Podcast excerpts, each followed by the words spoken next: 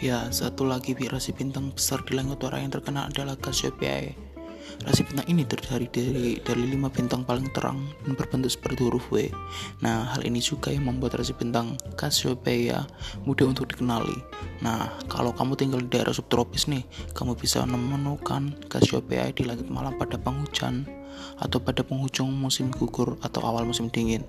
Menurut mitologinya, Cassiopeia merupakan istri dari seorang raja bernama Cepheus dari kerajaan Ethiopia. Cassiopeia selalu kagum akan kecantikan dirinya hingga suatu pagi kesombongannya melampaui batas dan mengatakan bahwa ia jauh lebih cantik dari para, para putri Poseidon. Mendengar hal itu, sang dewa laut menjadi murka. Lalu ia mengutus monster laut bernama Cetus untuk menghancurkan kerajaan Ethiopia. Poseidon menghukum Cassiopeia dengan mengikatnya di kursi sehingga sananya sendiri dan menaruhnya di atas langit dengan